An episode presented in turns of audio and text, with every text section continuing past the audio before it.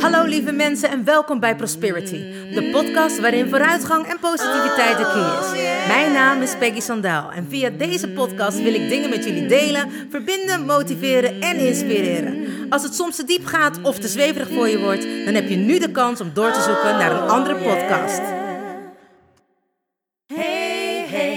You still there? Do you want to listen or just don't care? I'm singing my song and talking my talk. Talk away your feeling and walk my walk. I'm here to share, connect and give. All I got, I call it God's gift. So listen and learn and do what's good for you. I have no expectations, but I share, care and give my love to you. Hey, wat super! Je bent er nog. Nou, welkom gelijkgestemde. Ik heb er zin in. Let's go! Oh yeah. Hallo, hallo lieve mensen. Het is woensdag en dat betekent Wednesday Podcast Day. Het is alweer een week geleden dat ik gezellig tegen jullie mocht aankletsen en al mijn perikelen van de week mocht vertellen. Voor de mensen die voor het eerst hier zijn, welkom. En voor de mensen die er wekelijks zijn, wat fijn dat je er weer bent en te gek dat je weer naar de podcast luistert.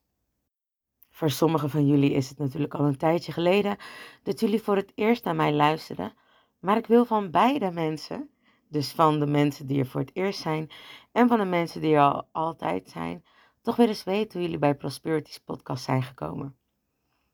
En daarom wil ik natuurlijk ook weer vragen om de podcast te liken, te delen, op te slaan of een berichtje achter te laten, zodat de podcast beter in ranking gevonden kan worden en op die manier er nog meer mensen naar Prosperity's podcast kunnen luisteren.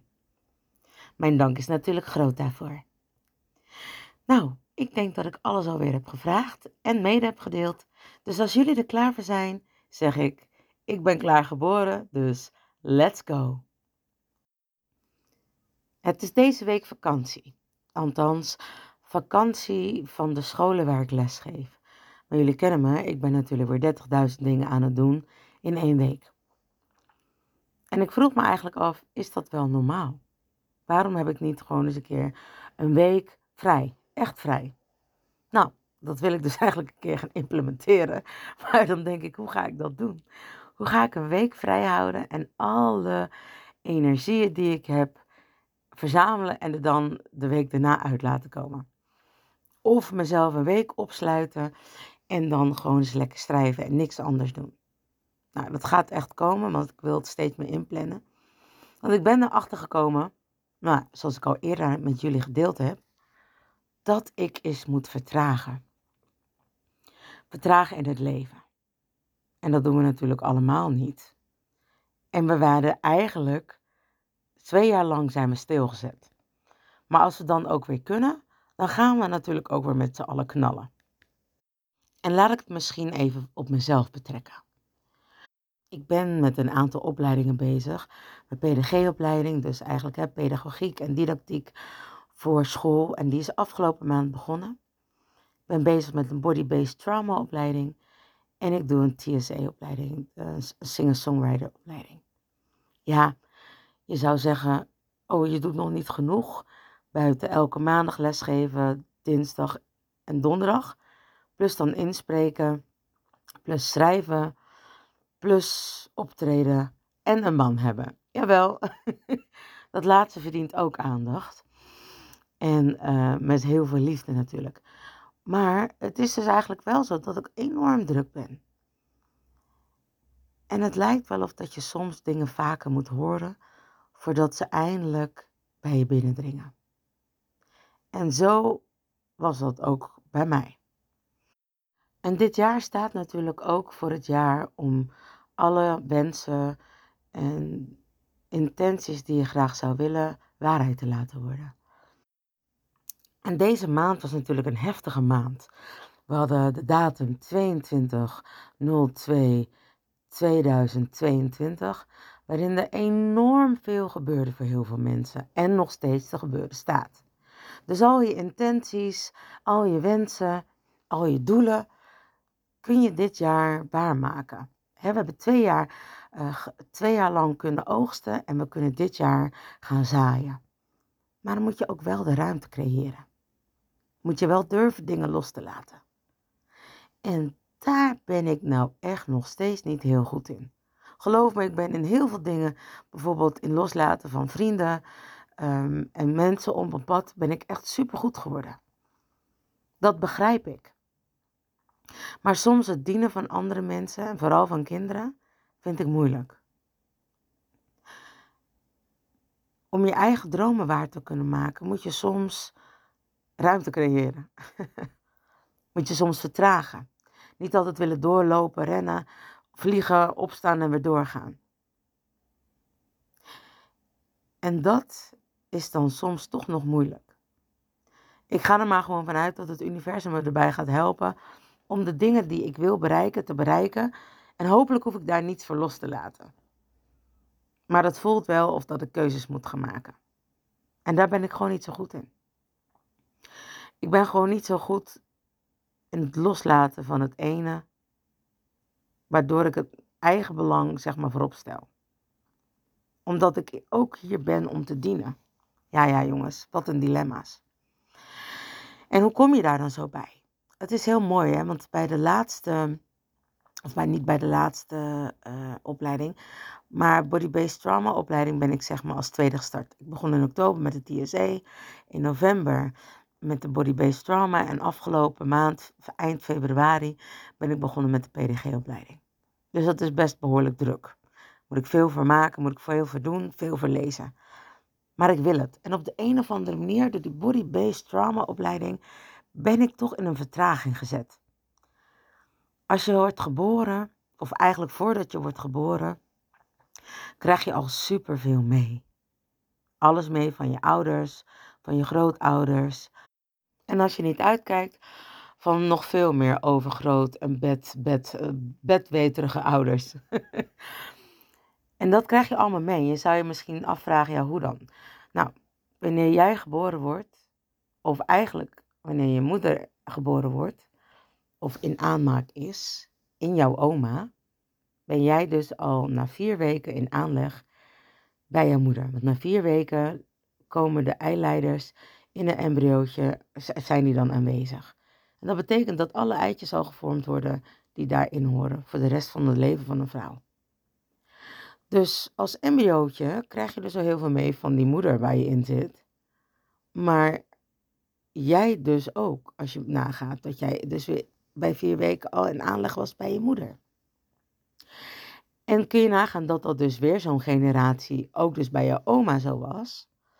Dus hoeveel generaties heb je dan al in je? Nou, wat ik al zei, overgroot, bed overgroot, bed, bed overgroot, neem het. Dus behoorlijk wat energieën en ervaringen zitten al bij jou in je DNA'tje opgeslagen. Het wil niet zeggen dat dat niet te veranderen is, want daar zijn we tijdens de kwantumfysica ook weer achter gekomen. Dat alles dus veranderlijk is. Dus jij kan de patronen in je hersenfuncties, kun je dus helemaal um, weerleggen. Nou, dat is een heel diep verhaal, maar ik leg het even, dit was even de Jip en Janneke taal, zeg maar. Maar op die manier kun je dus heel veel veranderen.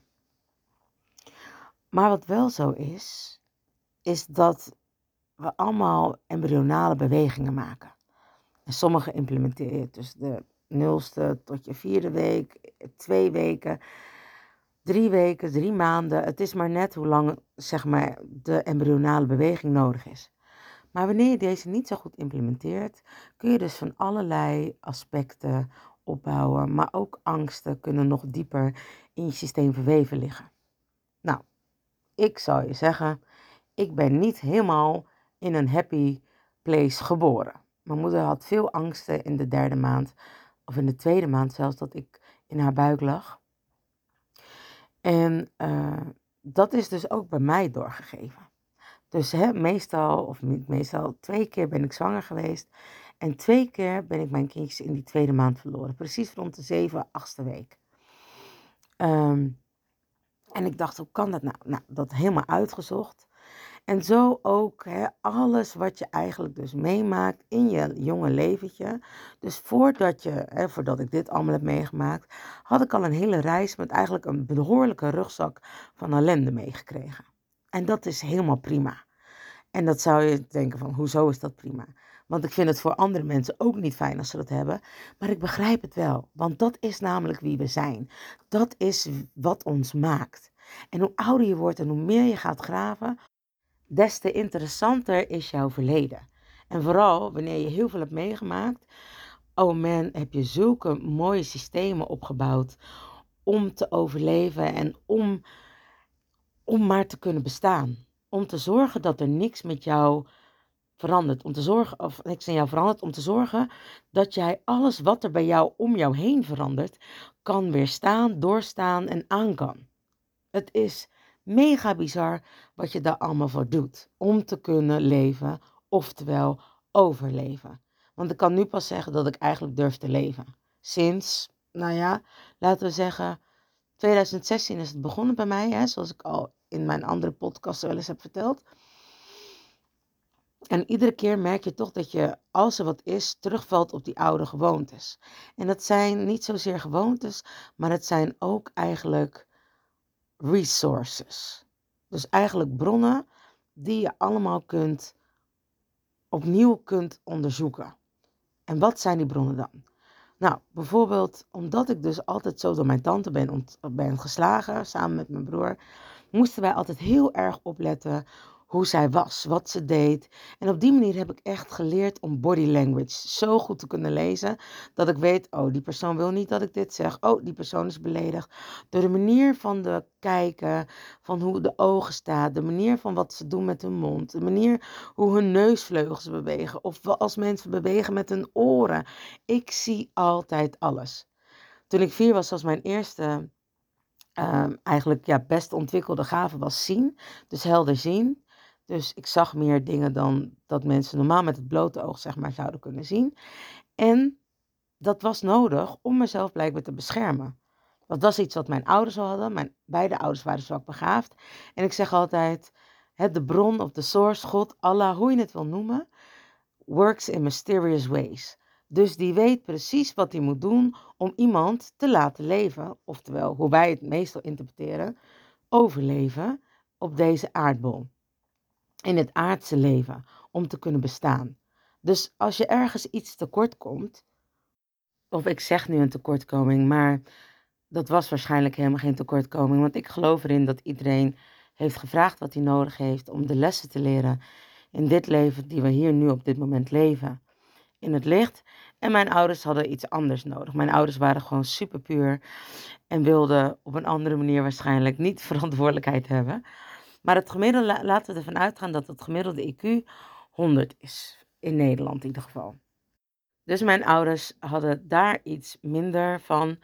Maar um, zij hadden wel een hoge sensitiviteit. Zij waren hoogsensitief begaafd. En um, zij konden dingen voelen, horen, weten. En volgens mij ook zien, maar dat weet ik niet zeker. Daar heb ik het eigenlijk nooit met ze over gehad. Maar dat heb ik dus van hun geërfd. En op mijn vieren kon ik dus al dingen zien die andere mensen niet konden zien. Dus mijn zicht was sowieso beter ontwikkeld. Hè? Dus dan bedoel ik het totale zicht, het totale plaatje, zeg maar. Dus wanneer iemand iets doet, dan zie ik dat ook. Zie ik de veranderingen. Dat is gewoon ja, iets wat je hebt. En dat hebben andere mensen met weten. Die weten gewoon dingen. Of hè, die weten wat iemand bijvoorbeeld hebben gedaan. Zonder dat die persoon dat verteld heeft. Dat is gewoon. Nou ja, dat is dus zeg maar een van die uh, ja, zes uh, zintuigen die dan beter ontwikkeld zijn. Dus voor mij was het belangrijk omdat er altijd gevaar dreigde wanneer mijn tante niet goed in de vel zat of wanneer ze te veel had gedronken, dat zij ons ging slaan. En dan konden we ja, die klappen een beetje ontwijken door als zij niet, niet goed in haar vel zat, dat we dan maar zorgden dat we boven gingen spelen. Dat we heel voorzichtig waren. En dan gingen we niet met de blokken spelen, want dat kon haar dan meer irriteren. Dan gingen we voorzichtig met de poppen spelen. Of we gingen, nou weet ik veel wat we gingen doen. Maar in ieder geval zorgen dat we uit haar zicht waren. En zorgen dat we niet te veel lawaai maakten. En ook natuurlijk door ervaring, hè, als we wel te veel lawaai maakten of als we wel in het zicht waren en ook al deden we niks, ja, dan wist je dat zij licht ontvlambaar was en dat we dan weer klappen kregen. En als we klappen kregen, dan ging ze net zo lang door totdat we stopten met huilen en dat we begonnen met lachen. En al dit soort kleine rare dingen, kun je zeggen, heb ik later dus omgebogen naar mijn overlevingsskills. Dus als ik in een ruimte kwam, scande ik al gelijk iedereen. Hoe iedereen was, met wie ik kon omgaan, bij wie ik veilig was. En dat was als ik klein was. Maar dat was natuurlijk ook, werd dat een source als ik groter was. En zo kun je ook misschien bij jezelf nagaan, wat heb jij opgebouwd als source, als bron om te overleven? Bij mij is dat hè, mijn intuïtie en mijn zintuigen zijn super ontwikkeld. Mijn reuk is ontwikkeld omdat ik al van verre kon ruiken als zij gedronken had. En het grappige is, ik raakte gewoon al geïrriteerd wanneer mensen gedronken hadden. En dat was rond mijn vijftiende, zestiende. Als iemand dan een drankje dronk, dan kon ik gewoon al geïrriteerd raken. Omdat ik dacht, oh, here we go again. En ik had natuurlijk helemaal niet door, toen kon ik al die verbanden nog niet leggen. Dat dat dus te maken had met mijn tante. Dat daar de irritatie vandaan, vandaan kwam. En irritatie zou je kunnen zeggen van, hè, dat is een spiegel voor jou. Um, nou, wat mijn spiegel natuurlijk was, was dat ik onveilig was. En dat ik gewoon geen zin meer had om onveilig te zijn. En ik had, was vrij agressief geworden om mezelf daarin te verdedigen. Dus wanneer ik dat rook, begon ik gelijk zo'n houding te krijgen. En wat eigenlijk helemaal niet nodig was. Dus al mijn onveiligheid werd getriggerd daarmee. En nou hè, daar heb ik dan nu inmiddels gelukkig genoeg aan gedaan om dat niet meer te hebben. Denk ik, joh, als je lekker wilt drinken, drink je lekker. Ik ben volwassen, niemand die mij meer zomaar kan slaan. En als dat wel zo is, heb ik al mijn oude bronnen, als dat nodig is, om omhoog te halen. Weet ik hoe ik mezelf kan verdedigen. Maar het mooie is, ik weet ook hoe ik ergens anders heen kan gaan en mezelf in veiligheid kan brengen. Zodat ik me niet onveilig voel bij die persoon. Of kan ik scannen of dat die persoon een, hè, een kwade of een gezellige dronk heeft. Of gewoon een dronk waarbij ik in de buurt kan zijn of daar vandaan moet gaan. En dat is dan niet alleen maar met mensen die drinken, maar voor mij was dat even mijn voorbeeld, hè, want dit is wat ik heb meegemaakt. Maar zo heb je waarschijnlijk ook nog meer. Hetzelfde als dat wanneer je gekwetst bent door een partner in je jeugd of, hè, of hè, dan was het nog een vriendje. Maar als je ouder wordt en ook de manier waarop je je partner uitzoekt. Ook al willen we het niet weten, vaak lijkt onze partner toch op een van onze ouders of bezit hij de kwaliteiten van een van onze ouders. Want hoe gek het ook is, je ouders zijn jouw veiligheid. Ook al is het voor heel veel kinderen niet hun veiligheid geweest, je hebt niet voor niets die ouders uitgekozen om bij te komen. We wilden allemaal die lessen leren. En dat is het bijzondere, dat als je goed gaat graven, en soms hoef je helemaal niet te graven, begrijp je het gewoon vanzelf, hè? zeker als je helderwetend bent, dat al die bronnen, alles wat je meemaakt, jou maakt tot wie je bent. Alles wat je meemaakt is zo essentieel voor wie jij ontwikkelt als persoon. En wat je wel kan loslaten, wat je niet kan loslaten. Welke mensen je wel in je kring wil hebben en welke helemaal niet. Het is zo van essentieel belang. En het is zo te gek om het te begrijpen. Met al onze flaws die we hebben. Het is zo gaaf als je ineens het overzicht hebt. Wat ik dus nu aan het doen ben om te vertragen. Voor mij werkt nu blijkbaar vertragen, geeft me overzicht. En heb ik in de vorige podcast gezegd dat iemand mij die epiphany nog een keer gaf. Want ik moest het nog een keer horen. Want ik heb het al zo veel, veel keren gehoord. Ik heb het al zo vaak van andere mensen gehoord. Ja, misschien moet je kijken of dat je wat rustiger kan zijn. Als iemand aan je vraagt, hoe ben je? Ja, druk. En ik weet nog wel dat een vriend van mij zei, ja, druk, druk. Uh, we zijn allemaal druk. Maar hoe gaat het met je? En ik vond het altijd zo irritant dat ik dacht, ja, nou ja, ik ben gewoon druk. Uh, maar dat is ook zo. We zijn allemaal druk. Maar hoe gaat het met je? Nou, in de drukte gaat het nog steeds goed met me. Voel ik me goed? Kan ik alles tot nu toe nog steeds bijbenen? En mijn intentie is ook dat het gewoon zo gaat blijven. Dat ik het ook makkelijk allemaal aan ga kunnen. En daar moet ik soms meer ruimte voor creëren. En dat doe ik dan ook. Bijvoorbeeld afgelopen maandag heb ik geen blog gedaan, omdat ik dacht, ja, ik heb vakantie en dat wil ik ook eens gewoon gaan houden. En op die manier ehm, ja, heb ik dat dan gedaan. Voor mij was het dan dat ik even rust had, dat mijn zondag, ik moest wel werken, maar ik vind mijn werk superleuk. Dus het voelt voor mij niet als werk. Maar dan ben ik wel de hele dag weg. En dan wilde ik s'avonds gewoon even niks doen. En ik had s'avonds, elke zondag heb ik ook mijn singer-songwriter uh, Academy. Dus dan moet ik daar een uur van 8 tot 9, of nee, van 9 tot 10, sorry. En dat loopt dan soms uit tot uh, half 11, 11 uur. En de volgende dag moet ik dan meestal gewoon weer om half zeven mijn bed uit. En ik dacht, nou, ik was dan deze maandag vrij. Dan ga ik ook niet maandag mijn blog uploaden. En dat is dan even jammer. Ik bedoel, er zijn genoeg bloggen. En ik geloof echt wel dat niet iedereen de blog, alle bloggen heeft gelezen. Dus iedereen heeft nog lekker even wat te scrollen en te kijken op de pagina. Hoe het er allemaal voor staat met de bloggen. En hetzelfde met de podcasten. Alleen op de een of andere manier heb ik de podcast ook zelf gewoon een beetje nodig. Om gewoon lekker alles te uiten wat er is gebeurd. Alle kennis die ik weer heb opgeslagen, ook met jullie te mogen delen. En ik vind het gewoon te gek om te horen van heel veel mensen dat we zo'n synchroon lopen in deze dingen. En soms zijn het gewoon weetjes en soms zijn het wel weer nuttige dingen die ik vertel. En daarom ben ik blij dat ik dit kan doen. Gedeeltelijk voor mezelf, maar ook voor anderen. En misschien is het wel in de andere volgorde, maar dat doet er niet toe, want het is gewoon useful for everybody. Voor mij, voor jullie, de mensen die er naar luisteren en misschien nog de mensen die in de toekomst ernaar gaan luisteren. Maar terug, ik ben dus aan het vertragen. En je zou zeggen, daar heb je twee jaar de tijd voor gehad. Maar in die twee jaar ben ik mezelf zo gaan scholen, nog met allerlei andere dingen. Want ik heb natuurlijk mijn coachingspraktijk opgezet. En was ik al geschoold om dat te doen, het spirituele gedeelte. Maar wanneer je eenmaal begint met leren, dan ben ik, eh, laat ik zo zeggen, laat ik voor mezelf spreken, dan ben ik ineens super eager. Ik was vroeger echt de slechtste student. En nu kan ik bijna niet stoppen met alleen maar informatie en kennis verzamelen. Dus het lijkt wel of dat de incarnatiesfeer waar je in zit ook soms gewoon een beetje meegaat met de mensen waarin je, waarmee je omgaat.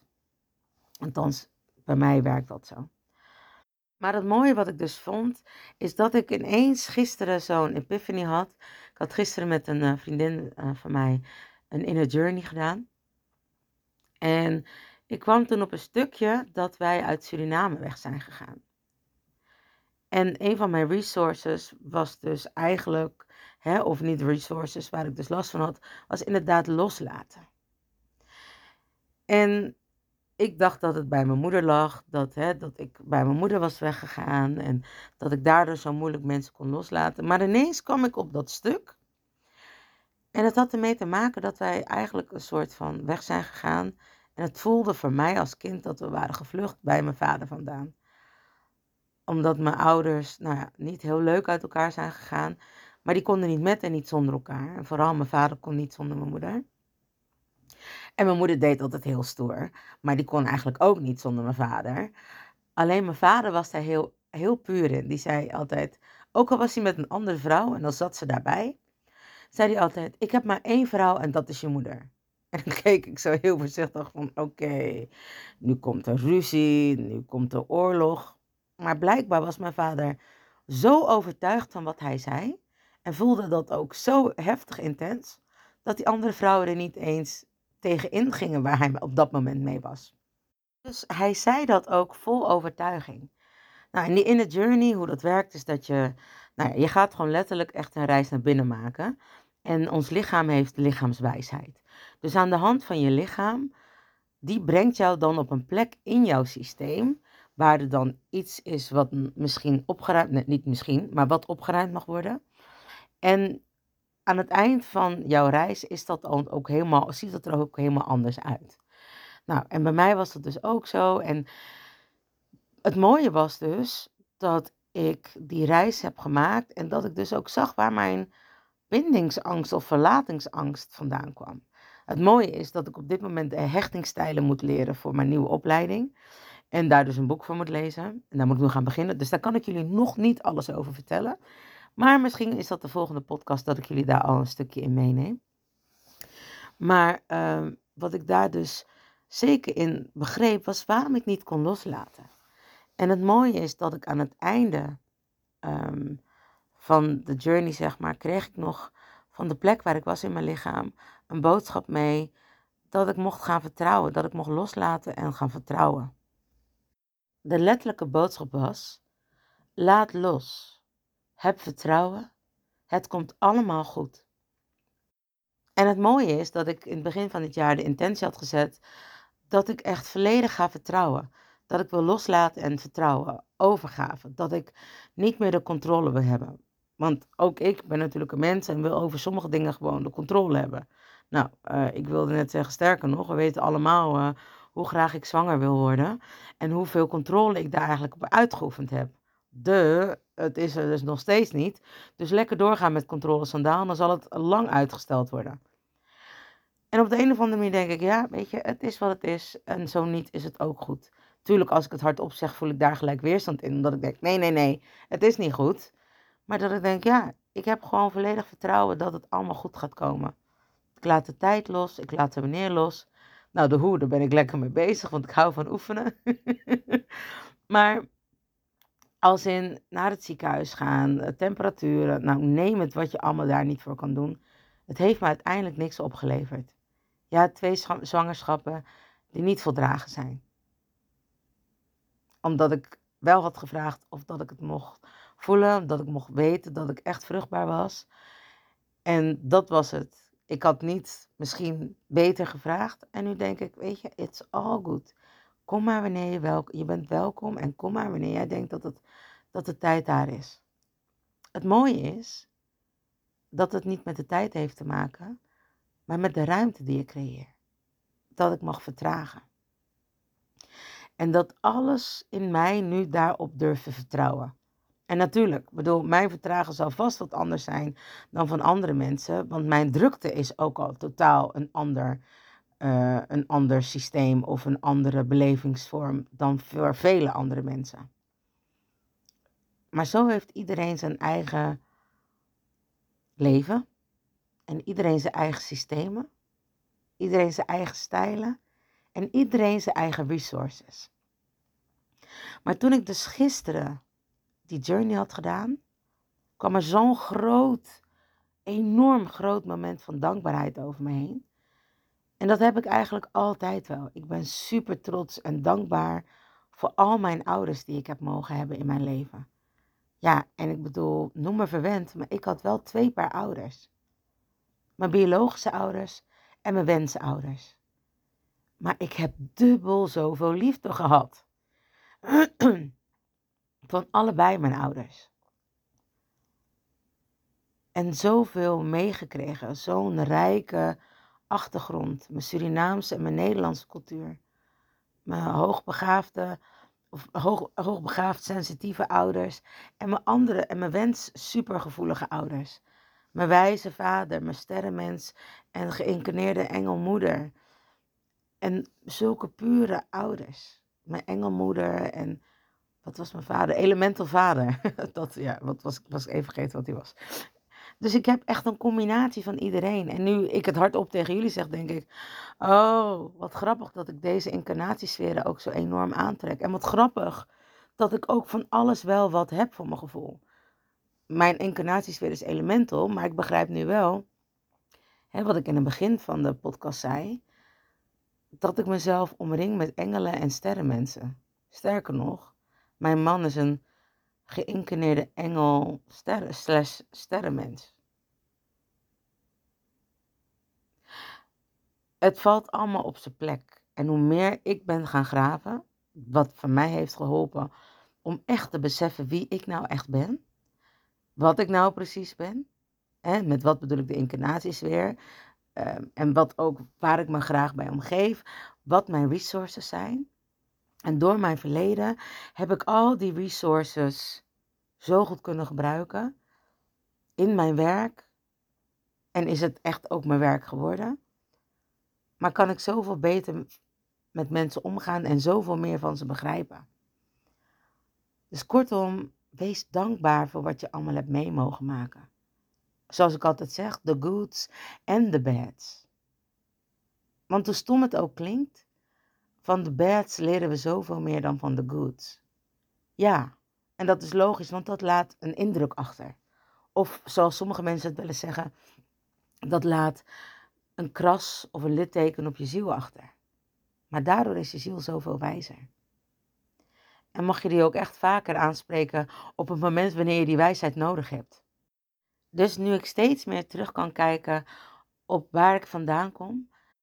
En dat dat ook gefaciliteerd wordt eigenlijk door de body-based trauma opleiding die ik nu aan het doen ben. Is het zo te gek om te zien welke bronnen je allemaal hebt opgebouwd. Maar waardoor dat ook komt.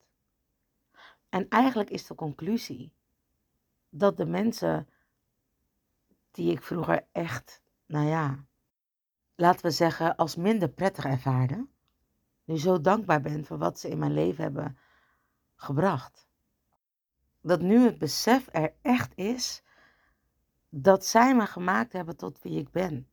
Dat ik nu nog beter begrijp dat alles wat ik wilde, wenste, al in het licht heb gevraagd. En dit het pad is met de mensen die op mijn pad komen, die mij zoveel leren. Inderdaad, weer de goods en de bads. Kijk, er zijn natuurlijk wel sommige mensen die het zo bond hebben gemaakt in dit leven. Die heb ik ook echt gevraagd om niet meer in mijn cluster te zitten. Die wil ik niet meer in dit leven en ook niet meer erna. Omdat ik toch bang ben dat deze zielen gewoon niet heel fijn zijn. Ik heb natuurlijk helemaal niks te bepalen. Dus waarschijnlijk begrijp ik later waarom dat zo is. En ik was heel dankbaar dat ik sommige personen, ook, ook die personen die ik niet meer in dat cluster wilde hebben, maar die waren echt wel even iets te, nou laten we zeggen, van de donkere kant, de dark side. En die hoef ik eigenlijk niet in mijn systeem te hebben. Die hoef ik niet in mijn cluster te hebben. Die mogen een ander plekje gaan zoeken. Maar over het algemeen, ook de mensen die ik dus als minder prettig ervaarde, daar ben ik nu heel dankbaar voor. Want dankzij mijn ouders, dankzij mijn tante, dankzij iedereen die op mijn pad is gekomen, die zowel goed als slecht hebben gegeven. Want ook niet alleen mijn tante was alleen maar slecht. Ze kon ook op momenten heel erg lief zijn. En dat maakte het dus juist zo frustrerend en angstig, omdat ze zo ontoerekeningsvatbaar was. Je wist nooit wanneer ze, nou ja, door zou draaien. Ja, op een gegeven moment had ik dat natuurlijk door. Zagen we dat aan de manieren, hè, wat ik zei, kwam dat helderziendheid enorm van pas. Of de gave zien van pas ook. Maar dat heeft mij zo ontwikkeld tot de persoon die ik nu ben. Dus eigenlijk waar ik mee begonnen ben, begin nu halverwege mijn leven, laten we gewoon zeggen dat ik halverwege mijn leven ben, begint dat zulke mooie vormen aan te nemen. Begint dat zich echt te integreren en te verweven in mijn leven. En kan ik echt zeggen, dit ben ik. En begin ik mezelf steeds leuker te vinden. Ik vond mezelf al leuk, al een paar jaar gelukkig. Van totaal mezelf niet erkennen, niet waarderen. Nou, ik vind mezelf echt wel leuk. Maar nu vind ik het gewoon het hele systeem van mezelf zo gaaf. En hoe dat allemaal tot zijn recht is gekomen en tot stand is gekomen. Dus deze podcast is echt een ode aan de resources en alle mensen die deze tot stand hebben gebracht. Dus ik ben benieuwd welke bronnen jij bij jezelf ineens erkent, ontdekt en waardeert. En wat ik al vaker zeg, in het Engels hebben ze zulke mooie termen voor, zoals wij dit zouden noemen, onze bronnen. Maar daar zeggen ze resources. Dus je kan weer terug naar die bron. Resource. Net zoals je het dus emotions hebt. Het zijn eigenlijk twee woorden. Ga weer terug naar je bron. En kijk waaruit het ontstaan is. En misschien zul je erachter komen dat het juist van de persoon is waar je dus een minder prettige relatie mee had, om het netjes te zeggen. Maar man, hoe dankbaar kun je die persoon zijn? Lieve mensen, dank jullie wel weer voor het luisteren naar Prosperities podcast. Ik hoop dat je weer genoten hebt van deze podcast. En zou je alsjeblieft aan mij de podcast kunnen delen, liken, opslaan of een berichtje achter willen laten, zodat de podcast beter in ranking gevonden wordt. Op die manier kunnen nog meer mensen ervan genieten. En je weet het, ik geloof in sharing is caring. Mijn dank is groot. Vergeet niet van jezelf te houden, want ik doe het sowieso. And remember, you are lucky. Mensen, bedankt voor het luisteren naar Prosperity, de podcast met vooruitgang en positiviteit als de key. Heb je iets aan deze podcastaflevering gehad of denk je, ik ken vast iemand die hier iets aan heeft? Deel dan alsjeblieft de podcast, want ik geloof in sharing is caring. Ben je geïnspireerd en of gemotiveerd? Tag me dan met een screenshot via Instagram, deel het op je story of andere social media. Vergeet me niet te volgen, zodat je op de hoogte blijft van alle podcastafleveringen. En ik zou het te gek vinden als je de podcastaflevering opzoekt op Soundcloud of Spotify en laat een berichtje achter. Hoe meer berichtjes, hoe beter de podcast naar voren komt. En zo kunnen we met z'n allen een mooi ripple effect maken. Nogmaals dank en vergeet niet van jezelf te houden. Dan doe ik het sowieso. I salute you with love and remember, we are lucky. Baby, you're so lucky. Honey, you are free. You just need to love yourself. That's all I wanna see. You're here to learn. You're here to shine. You're so radiant. Don't waste no time. Don't let nobody tell you what to do. Cause you are perfectly fine, and that's the truth. Baby, you're so lucky. Honey, you are free. You just need to love yourself. That's all I wanna see. Baby, you're so lucky. Honey, you are free. You just need to love yourself. That's all I wanna see. Baby, you're so lucky, lucky,